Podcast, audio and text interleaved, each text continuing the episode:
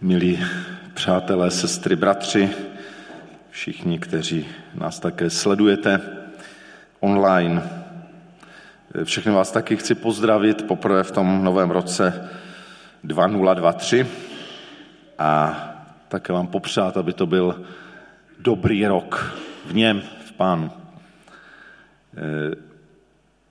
Je tady posvatnou tradicí tohoto sboru, aspoň celou dobu, co tu jsem, to tak vždycky bylo, že kromě toho, že si e, taháme nějaké speciální verš z Božího slova, nejenom osobně, ale i pro náš sbor, tak je potom také posvátným zvykem e, na ten text kázat první neděli v roce. A mně se tahle posvátná tradice líbí, takže, takže je pro mě milé ji zachovávat. Takže je tím aspoň dáno, o čem dneska budeme mluvit. Tak pokud k vám to ještě nedošlo, tak to slovo, které eh, nám vytáhl jeden mladý bratr, eh, je z Janova Evangelia 14. kapitoly, verš 18-19, tak to na začátku přečtu. Jan 14, 18, 19, dneska používám český studijní překlad. Nezanechám vás jako sirotky přijdu k vám. Ještě malou chvíli a svět mne již neuvidí. Vy však mne uvidíte, protože já žiji a také vy budete žít. A hned na počátku, když jsem si tyhle dva verše Zenova Evangelia četl, tak víte, co mě tam zazářilo? Dvě slova. Vy však. To je takové nenápadné, že? Ale Ježíš tam mluví něco o světu, svět mě už neuvidí a tak dál, ale pak je tam vy však, s váma to bude jinak. A to vlastně je myšlenka, která mě pak vedla při tom celém přemýšlení nad tím textem, eh, že je to vlastně o rozdílu. O rozdílu mezi světem a mezi učedníky Ježíše Krista. Ve světě to funguje nějak, vy však, však je takové trošku staročeské, ale, nebo ale vy, ale to však prostě já ho miluju. Vy však, u vás to bude prostě jinak. Vy sice žijete v tom světě, ale jste Ježíšovými učedníky a bude to nějak jinak. Je tady rozdíl mezi světem a učedníky. A tak jsem nad tím přemýšlel, že jsou rozdíly, které bychom chtěli, aby byly mezi námi, pokud se považujeme za Ježíšovi učedníky a mezi světem. A ty rozdíly, které bychom chtěli, se často objevují v novoročních přáních. Co si přejeme? Nejčastěji zdraví. A tak rádi bychom, aby to bylo světě plný nemocí a problémů, ale kdo jsou Ježíšovi učedníci, budou zdraví. A pokud jsou teď ještě nemocní, tak za dva dny už budou zdraví. To by bylo fajné, že? Kdyby to tak bylo. To by najednou všichni uvěřili, že? Asi v tom světě, když by konečně zjistili, že teda kdo je učedník, tak je zdravý. Takže to je možná rozdíl, který bychom chtěli. Pak jsou války, nepokoje, zdražování, inflace, energetická krize. Co bychom rádi, kdybychom měli jako Ježíšovi učeníci bezpečí. Takovou ochranu před všemi těmi. Všude se zdražuje, Jenom tady ne, bo my patříme pánu. Všude energetická krize, jenom nám dodává pán plyn a elektřinu přímo z nebe. A všude je válka, jenom ve zdech našeho domu je mír, bo patříme pánu. To by, by byl fajné, že? Takový rozdíl. A možná ještě nějaká taková prosperita, úspěch v různých oblastech našeho života, v zaměstnání, ve škole, mít super rodinu, po které toužíme, nebo super zbor, po kterém toužíme a pořád v tom těšinském zboru to není super. Mnohé takové tužby máme a, a bych, bychom byli rádi, kdyby to tak bylo, že sice ve světě, svět potom hladový, svět to nemá, ale učedníci Ježíšovi by to třeba mohli mít. Takže první zklamání dnešního poselství je, že já nevěřím těmhle rozdílům. Nebo se mi zdá, že nemůžeme opřít to boží slovo. A právě to slovo, eh, které trošku si ho rozšíříme, které za chvilku znova budeme číst, nám ukazuje, ukazuje nějaké rozdíly. Mluví vy však, jako učedníci s váma to bude nějak jinak. A podíváme se na to, jaké jsou ty rozdíly, které nám skutečně pán ve svém slovu zaslíbil. O tom budeme dnes mluvit. Jak je kontext celé té 14. kapitoly Janova Evangelia? Je to vlastně to místo, kdy Ježíš má poslední setkání se svými učedníky před svou smrtí, kolem poslední večeře. Hodí se to i k tomu, že dnes slavíme e, památku večeře páně. A Ježíš zvláště 14. kapitole mluví o jakémsi odkazu daru, který své církvi dává. Mluví o různých darech, které, eh, které církev, které jeho učeníci získají skrze to, co se má stát, skrze Kristovu smrt, z mrtvých stání a odchod k otci. A já bych si teda dovolil přečíst takový úsek, jehož součástí jsou i ty dva verše, které jsme četli na začátku, které jsme si vytáhli pro tento rok ale myslím, že je lepší přečíst celý ten takový logický jednotný úsek, jehož ty dva verše jsou součástí. Takže budu číst z 14. kapitoly Janova Evangelia od verše 15 po verš 24. Jan 14, 15 až 24. Ježíš tam říká, jestliže mne milujete, zachovejte má přikázání a já požádám Otce a on vám dá jiného zastánce, aby byl s vámi na věčnost. Ducha pravdy, jejíž svět nemůže přijmout, protože ho nevidí ani nezná. Vy jej znáte, neboť u vás zůstává a ve vás bude. Nezanechám vás jako sirotky, přijdu k vám. Ještě malou chvíli a svět mne již neuvidí, vy však mne uvidíte, protože já žiji a také vy budete žít. V onen den poznáte, že já jsem ve svém otci, vy ve mně a já ve vás. Kdo má moje přikázání a zachovává je, ten mě miluje. A kdo mě miluje, bude milován od mého otce. I já ho budu milovat a zjevím mu sám sebe. Judane ten Iškariotsky mu řekl, pane, co se stalo, že chceš zjevovat sám sebe nám a ne světu? Ježíš mu odpověděl, kdo mě miluje, bude zachovávat mé slovo a můj otec ho bude milovat, přijdeme k němu a učiníme si u něho příbytek. Kdo mne nemiluje, nezachovává má slova. A slovo, které slyšíte, není moje, ale Otce, který mne poslal. Ten text dál pokračoval, tohle je takový určitý logický úsek, jednotný, který jeho součástí je i ten verš pro náš sbor. A říkal jsem, že chci v tom božím slově objevit určitá zaslíbení, které nám eh, pán Bůh skrze eh, svého syna, skrze Ježíše dal. A vidím v tom textu hlavně dvojí zaslíbení. E, to první je to, o kterém už Ondra mluvil, pastor Ondra na začátku dnešního zhromáždění, a to je zaslíbení života s velkým žet. Ještě jednou přečtu ten 19. verš. Ještě malou chvíli a svět než neuvidí. Vy však neuvidíte, protože já žijí a také vy budete žít. Zdá se, že v tomhle verši Ježíš naráží na svůj odchod, na svou smrt. Ještě malou chvíli, já jsme než neuvidí, protože budu ukřižován, pohřben a svět jako takový mne již neuvidí. Vy však mne uvidíte. A myslím, že tady Ježíš naráží na, na své zmrtvých stání, na svůj opětovný příchod k učedníkům. Vy, vy však ten rozdíl světu se neukážu, ale vám, svým učedníkům se ukážu, uvidíte mě. On k něm přichází jako zmrtvých stálý, a ukazuje, protože já žijí, ukazuje, že on je živý a že ho žádná smrt nemůže porazit. A pak říká, a také vy budete žít. A myslím si, že tady je právě to zaslíbení božího života pro učedníky.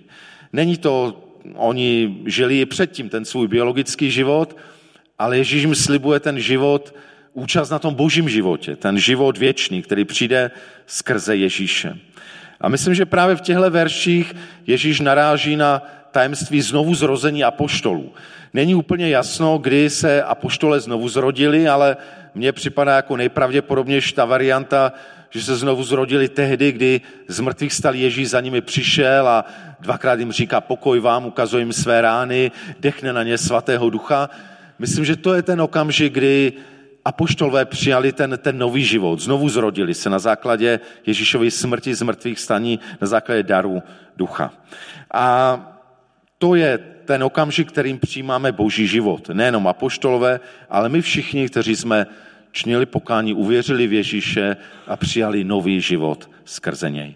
Takže to je to jedno zaslíbení, které, o kterém tady Ježíš mluví. Život, ten boží život, život s velkým žet, život eh, v hojnosti, život věčný. A to druhé, o čem tu mluví ještě, ještě více, ještě rozsáhleji, je intimní společenství s Bohem. E, v tom 18. verši, které je také součástí toho dvojverši pro náš sbor, se mluví, že nezanechám vás jako sirotky. Už nemáme být sirotky, nemáme být těmi, kteří jenom bojují sami za sebe. Kolik je v tomhle světě sirotku? Nemyslím těmi sirotků, kteří nemají fyzického otce, matku, myslím s tím lidí, kteří říkají, nemůžu věřit nikomu. Můžu věřit jenom sám sobě, co já si vyboju, co já si udělám. Kolik takových lidí a možná úspěšných lidí běhá po tomhle světě a jsou to vlastně sirotkové. Lidé, kteří si myslí, že, že jenom to, co si v životě vybojují, urvou, získají, ať poctivě nebo nepoctivě, jenom to budou mít. Tihle lidé žijí jako sirotkové. A jednou se mi to stejně všechno, to, co tak poctivě budovali nebo nepoctivě, dřív nebo později se jim to nějakým se zhroutí nebo přejde k někomu jinému.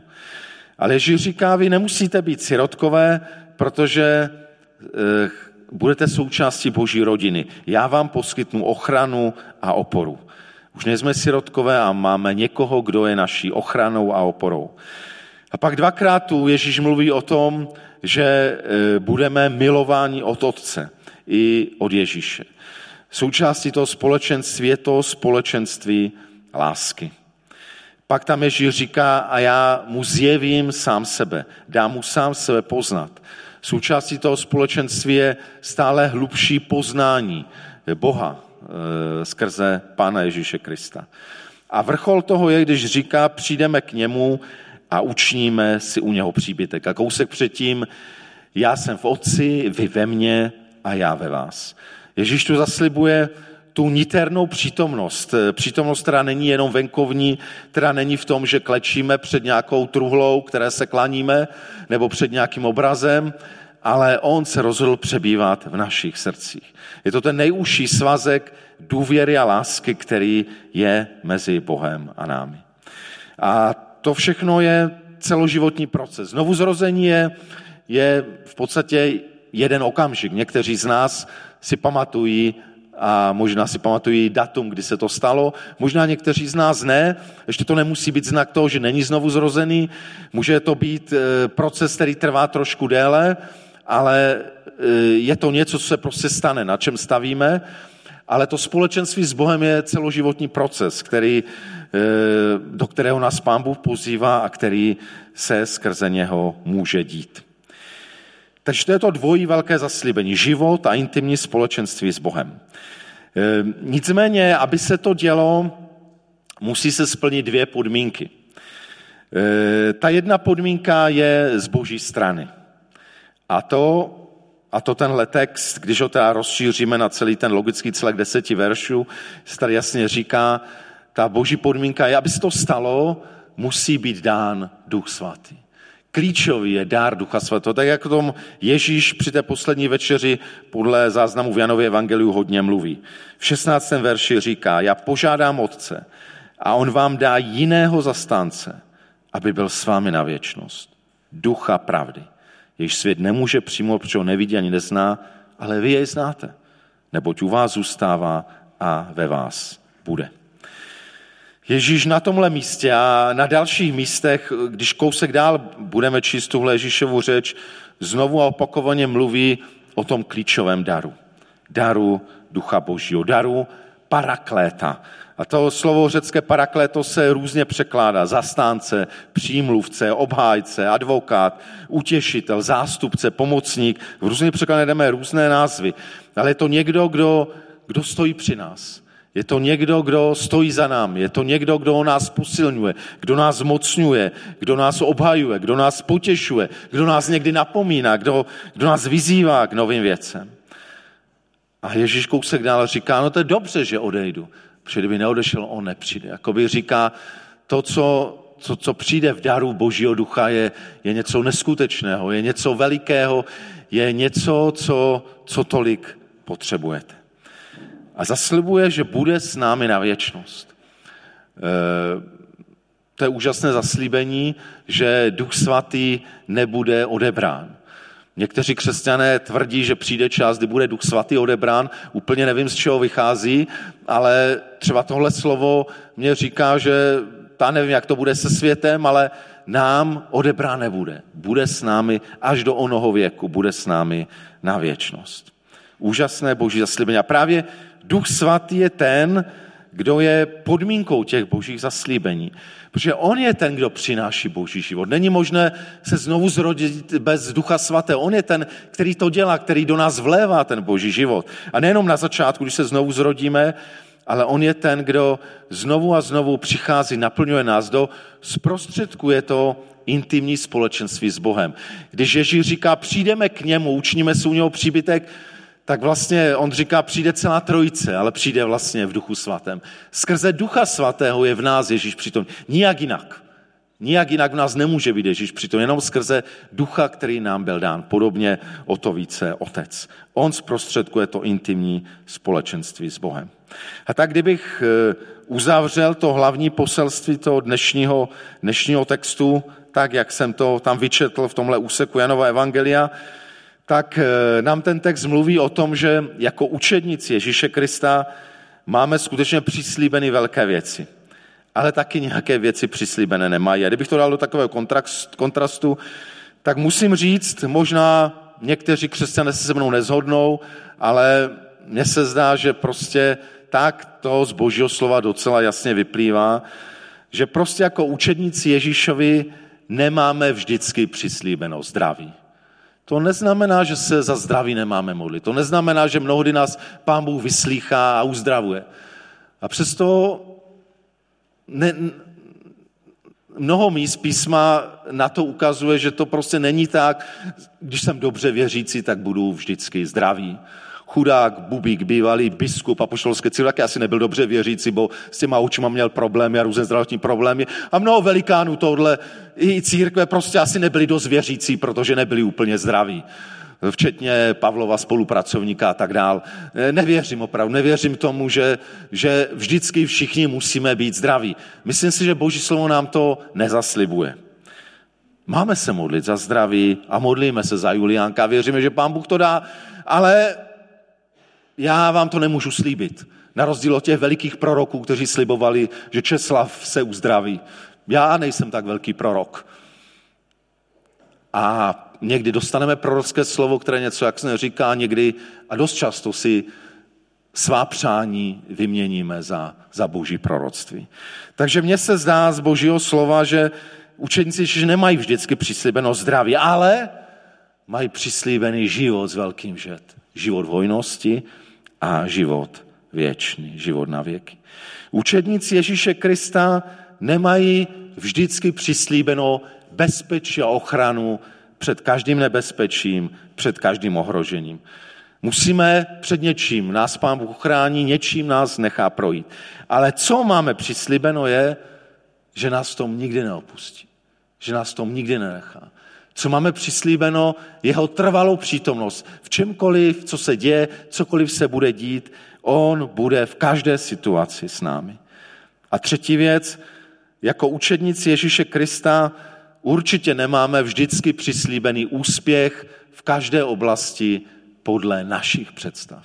To není to, co nám Ježíš ve své přislíbil. Co máme přislíbeno je, že když se ho jeho budeme držet, že doplujeme, že se dostaneme do cíle s velkým C, do cíle, kterým je sám Bůh. Kousek na začátku téhle 14. kapitoly Ježíš říká, odejdu-li, připravím vám místo, opět přijdu a vezmu vás k sobě, abyste i vy byli tam, kde jsem já. Ježíš nám zaslibuje doplutí do cíle. Nicméně to je to, co pán Bůh udělal, co nám zaslíbil, co nám garantoval v daru svého svatého ducha ale otázka ještě zní, a co my s tím, co my máme dělat. A to je ta druhá podmínka podmínka z naší strany, aby se tahle boží zaslíbení naplnila. Nevím, jestli jste se všimli, ale zajímavé, že v tom úseku deseti veršů, které jsem četl, třikrát se tam opakuje skoro stejná věc. V 15. verši. Jestliže mne milujete, zachovejte má přikázání. 21. verš. Kdo má moje přikázání a zachovává je, ten mě miluje. 23. Kdo mě miluje, bude zachovávat mé slovo. A pak se budou buď díté věci, požádám moc, on vám dá jiného zastánce a, a kdo mě miluje, bude milován a, a přijdeme k němu, učíme s něho příbytek. Takže jasně se říká, že určitá podmínka z naší strany je třeba. Eh, Ondra zmiňoval, nebo na začátku dnešního, dnešní bohoslužby citoval jeden z textů písma, který je jeden z pro mě nejmilejších. Ten verš o tom, že nic v tomhle světě, nic stvořeného, nic přítomného budoucího nás nemůže oddělit od boží lásky. Eh, já jsem potom někdy, a to je ta chyba, že někdy člověk si připadá moudřejší než boží slovo, tak jsem si v duchu k tomu přidal nic kromě hříchu. Hřích nás přece může oddělit boží lásky. Ale ono to tam není. A později jsem pochopil, že, že opravdu nic stvořeného, včetně hříchu, nás nemůže oddělit od boží lásky. Nicméně, a tenhle text dnešního Jana to říká velmi jasně, nicméně se můžeme otočit zády. Můžeme se otočit zády k Bohu a k jeho lásce. To neznamená, že nás Bůh přestane milovat. Takže v tomhle smyslu nás to neoddělí od boží lásky. Bůh se nikdy nenaštvá, neřekne, s tebou jsem skončil, hotovo. Ale my se můžeme obrátit zády. A potom to, že nás Bůh miluje, nebude mít žádný praktický dopad a důsledek pro náš život. Budeme žít v tomhle světě úplně stejně, jako kdyby nás Bůh nemiloval, jako kdyby Bůh nebyl. Nebude v tom rozdíl. To je to, co se klade jako podmínka na nás. To, že my se musíme rozhodnout milovat Ježíše, rozhodnout se otočit se tváří k té nabídce boží lásky, která nám byla dána, právě jak říká Římanům 8, skrze Ježíše Krista, našeho pána. V něm je nám ten dar nabízen. Takže aby se tahle zaslíbení naplňovala, potřebujeme milovat Ježíše a ta láska k Ježíši se bych chtěl dneska říct, že se může projevit nebo se projevuje dvojím způsobem. Jeden způsob je ten, o kterém dneska mluví eh, Ježíš v Janovi 14, že ta láska se projevuje ne v tom, že budeme eh, chválit tři hodiny denně pána, i když to bude moc dobré, když to budeme dělat, ani v tom, že budeme každou neděli v kostelíku, i když to je taky moc dobré, když to budeme dělat, ale Ježíš říká, ta láska se projeví v čem? Že budete zachovávat má přikázání, že budete zachovávat má slova. Jinými slovy se projevuje v poslušnosti. Křesťan, který není poslušný Ježíši, který není poslušný jeho slovu, může chválit, kolik hodin denně chce. Může navštěvovat, kolik chce bohoslužeb. Může online si přepínat z jedné bohoslužby na druhou. A není to k ničemu. Že pokud nejsme poslušní jeho slovu, jeho lásky, pokud se nesnažíme žít v souladu s tím, co nám odevzdal ve, ve svém slově a v sobě samém, tak, tak to ukazuje, že ho ve skutečnosti nemilujeme. Možná milujeme obraz sebe jako, jako křesťanů nebo jako pastorů nebo něčeho, ale neposlušnost jeho slovu nás usvědčuje. Takže to je podmínka pro zaslíbení. Láska k Ježíši projevená poslušností jemu a jeho slovu. Proto je tak důležité znovu a znovu číst Boží slovo, přemýšlet nad ním, diskutovat o tom s druhými, sdílet se, protože potřebujeme vnikat do toho slova, abychom vlastně rozuměli, co a jak máme ve svém životě žít. Nicméně chtěl bych říct ještě jednu věc a ta trošku souvisí s tím, co je před námi tenhle měsíc. Takže jsem to možná trošku uměle napojil, ale tak to tak vemte, mám dojem, že to úplně tak uměle není. Říkal jsem si, když někoho milujeme, to, že někoho milujeme, se projevuje i v tom, že milujeme to, co miluje ten daný člověk.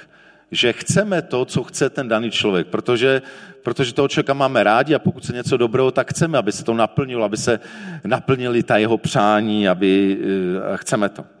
Takže když milujeme Ježíše, tak to znamená, že budeme ji milovat to, co miluje Ježíš, to, co chce Ježíš. A to se, věřím, odráží v tom, že vlastně za týden a něco, víceméně od zítřka za týden, chceme začít opět ten každoroční týden zborového půstu modliteb a já bych vás moc prosil o to, abychom, abychom ten čas vzali, vzali vážně. Eh, je mnoho věcí, když jsme nad nimi ve staršosu přemýšleli, které, které potřebujeme, aby Pán Bůh mezi námi dělal. A ty věci, které věříme, že Ježíš chce, chce dělat, a my potřebujeme se s ním sjednotit v tom, že my to budeme chtít taky. A to, že se budeme modlit, že se budeme, že si něco odřekneme, ať to bude jídlo úplně, nebo jídlo částečně, nebo něco jiného, jako vyjádření toho, že to opravdu chceme, věřím, že něco, co nás jako jednotlivce, jako zbor může posunout. A tak máme několik záměrů toho, toho zborového půstu, které věřím, že jsou něčím, co chce Ježíš mezi námi dělat. První věc je to růst Božího království. Věřím, že on chce, aby, aby jeho království rostlo mezi námi. Eh, vnímáme, že potřebujeme novým způsobem se postavit i za to boží dílo v Karvine. A, a že chceme se opravdu modlit za to, aby možná i s těmi změnami, s novými služebníky, které přišli do Karviné, do Těšína, aby se novým způsobem mohlo boží království růst v Karviné i v Českém Těšíně. Další věc, za kterou se chceme modlit a kterou věřím, že Ježíš chce, za duchovní probuzení. Jinými slovy za to, abychom my jako církev žili ve světle. Možná proto nemůže to Boží království kolem nás růst, že my sami jsme v něm málo. Že my jsme málo v jeho světle.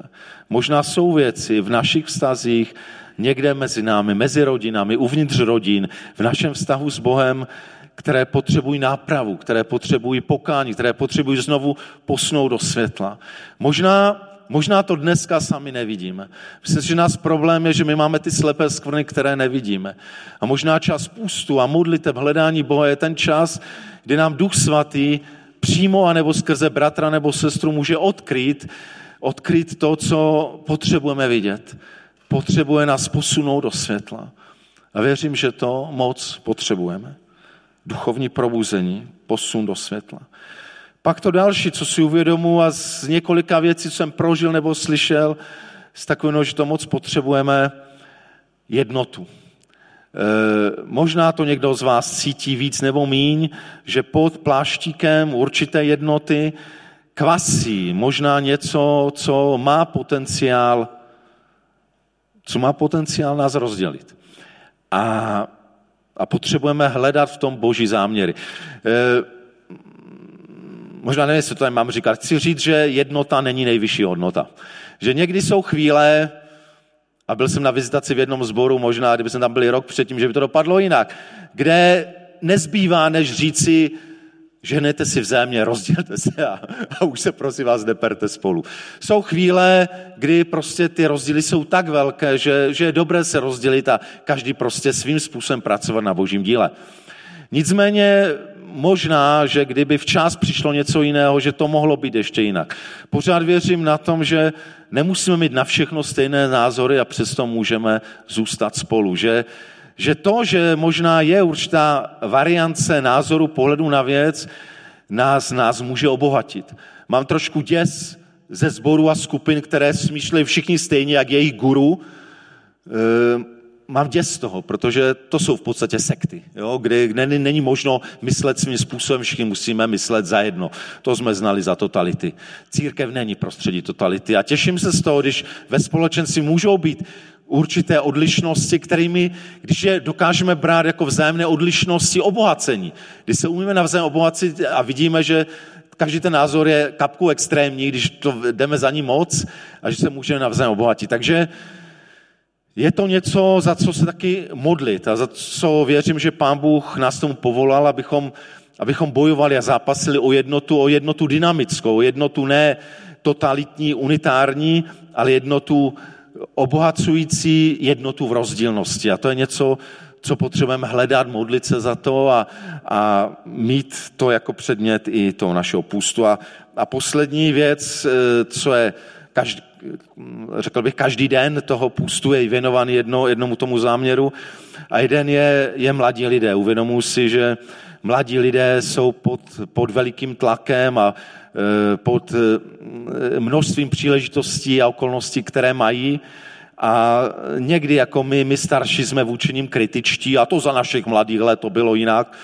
Místo těchto moudrých řečí, jak to bylo za našich mladých let, kdybychom radši naše mladé milovali, sloužili jim, modlili se za ně, žehnali jim. Potřebují to. A tak to je něco, co bych rád, abychom mladé generaci vyprošovali taky probuzení, nové navštívení. To, aby, aby naše děti a, a dospívající a mladé, aby navštívil Boží duch, aby jim zjevil, jak, jak on je úžasný, jak on je veliký. Jak to, co on nabízí, prostě tenhle svět nikdy nenabídne a může se tvářit, jak chce. Prostě to je poklad a berte to jako od staršího muže, jako svědectví mého života. Taky jsem občas podlehl, taky se mi zdálo, že to lákadlo světa a vždycky zatím jenom prázdnota, hořkost, nic. Zatímco Ježíš je skutečně bohatství, skutečně poklad. A, a potřebujeme to objevovat znovu my všichni, ať jsme věkem starší a, a mladí možná poprvé ve svém životě naplno to třeba prožít. Takže to jsou věci, které věřím, že Ježíš chce. A že pokud my milujeme Ježíše, to máme chtít taky. A možná tím, že se za to budeme modlit, že si oddělíme nějaké věci, dáme pryč, že za to budeme postit, že se budeme společně scházet na těch modlitebních schromážděních a volat k Bohu a, a možná sloužit si navzájem, ženat si navzájem, modlit se jeden za druhého. Věřím, že to je něco, co Pán Bůh chce. Věřím, že je to nová příležitost, kterou nám dává. A já moc cítím, že, že, že to potřebuji. E, moc si přeju, aby dali Pán Bůh, že někdy za ten rok a půl odsud odejdu, aby, aby aby mě bylo moc líto, že z toho zboru odcházím, říkám si, ty on chytil novou mízu, tady je nový život, to je škoda, že jdu pryč, ale přeju to Ondrovi, přeju to všem, kteří tady zůstávají, to je dobře. Kež nebudu odcházet s tím říká, no, zaplať pán Bůh, bohu díky, že už můžu odstudit. Bojujeme za to, abych nemusel takhle, pokud budu odcházet, ale abych odcházel z něčeho, co je ještě mnohem lepší než je to teď. Může to být, věřím tomu, ale je to na každém z nás. E, Pán Bůh udělal všechno pro to, on nám dává svého ducha, on ty podmínku naplnil. Je to na nás. To na nás, jestli zatím půjdeme. Na nás, jestli odložíme možná některé ty hroty a věci, které máme a budeme bojovat ne o to, aby to bylo podle mých představ, ale aby se tu naplnili Boží představy, Ježíšovi představy pro ten sbor, pro Těšín, pro Karvinou, pro naše okolí. Amen.